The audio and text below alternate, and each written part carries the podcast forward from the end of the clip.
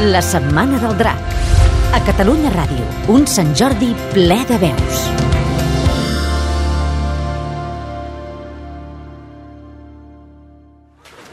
Amb els peus nus a la vora de la resclosa contemplem el salt, nois feliços enmig de l'estrèpit de l'aigua. Les nostres bicicletes, Peugeot de 10 velocitats, ens esperen lligades amb dos cadenats a la barana del transformador elèctric.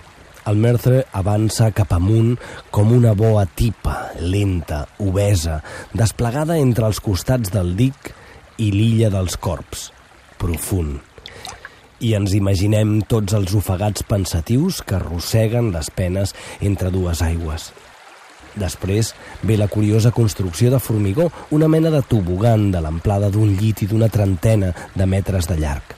L'aigua hi corre ràpida i poc fonda, amb prou feines ens llepa el tou de les cames, agitant bromeres llargues de barbes verdes que de sobte donen el corrent, que s'ha tornat transparent, al centelleig d'un rierol de muntanya. Pesquem dins l'escuma brumerosa, aixordadora, que escup un ruixim dolçàs amb tuf de tarquim i d'aigua tèbia.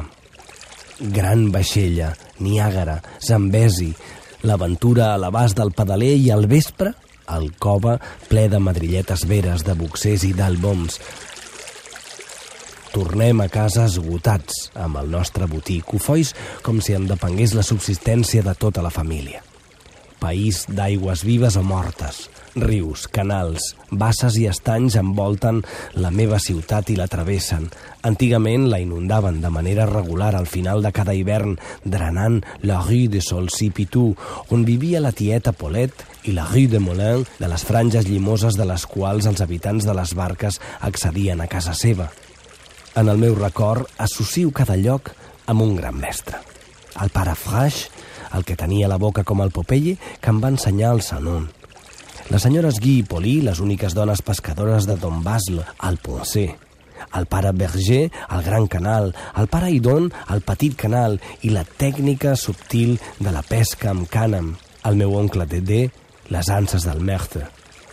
La pesca vol paciència i lectura. Abans de llançar una canya, convé aprendre a desxifrar l'aigua, ensumar-la, prendre'n el pols i determinar-ne la fundària, els esculls i els paranys. Sóc un enamorat, a qui no falten amants.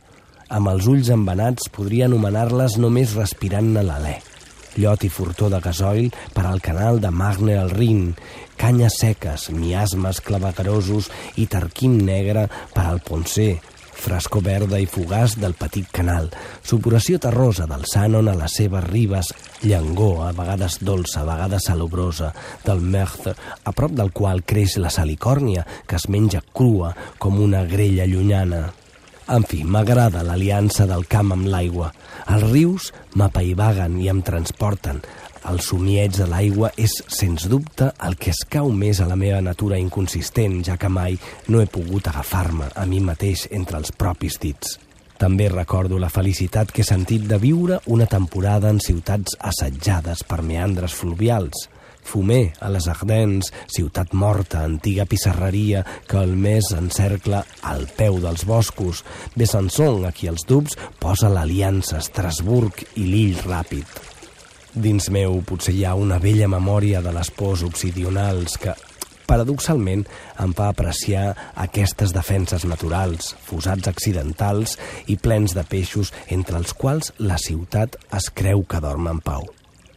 Penso també, per haver-ho comprovat moltes vegades, que aquests rius em donen, com aquell qui res, i mitjassant glopades sobtades que s'eleven dels seus corrents, notícies de la meva terra, de la qual vaig marxar per un quant temps. Aleshores, transcorren uns segons inquietants en què les geografies del present i de la memòria es confonen, en què deixo de tenir edat i juguen amb mi per mitjà d'aquest sentit d'activitat. La qual cosa fa alhora que em penedeixi de ser allà i que estigui content de poder, a mil llegües de distància del lloc on vaig néixer, recuperar fragments d'olors i, com fa un arqueòleg pacient amb unes restes de ceràmica, tornar a enganxar i recompondre la vella quotidianitat trencada. La Setmana del Drac. Un Sant Jordi ple de veus.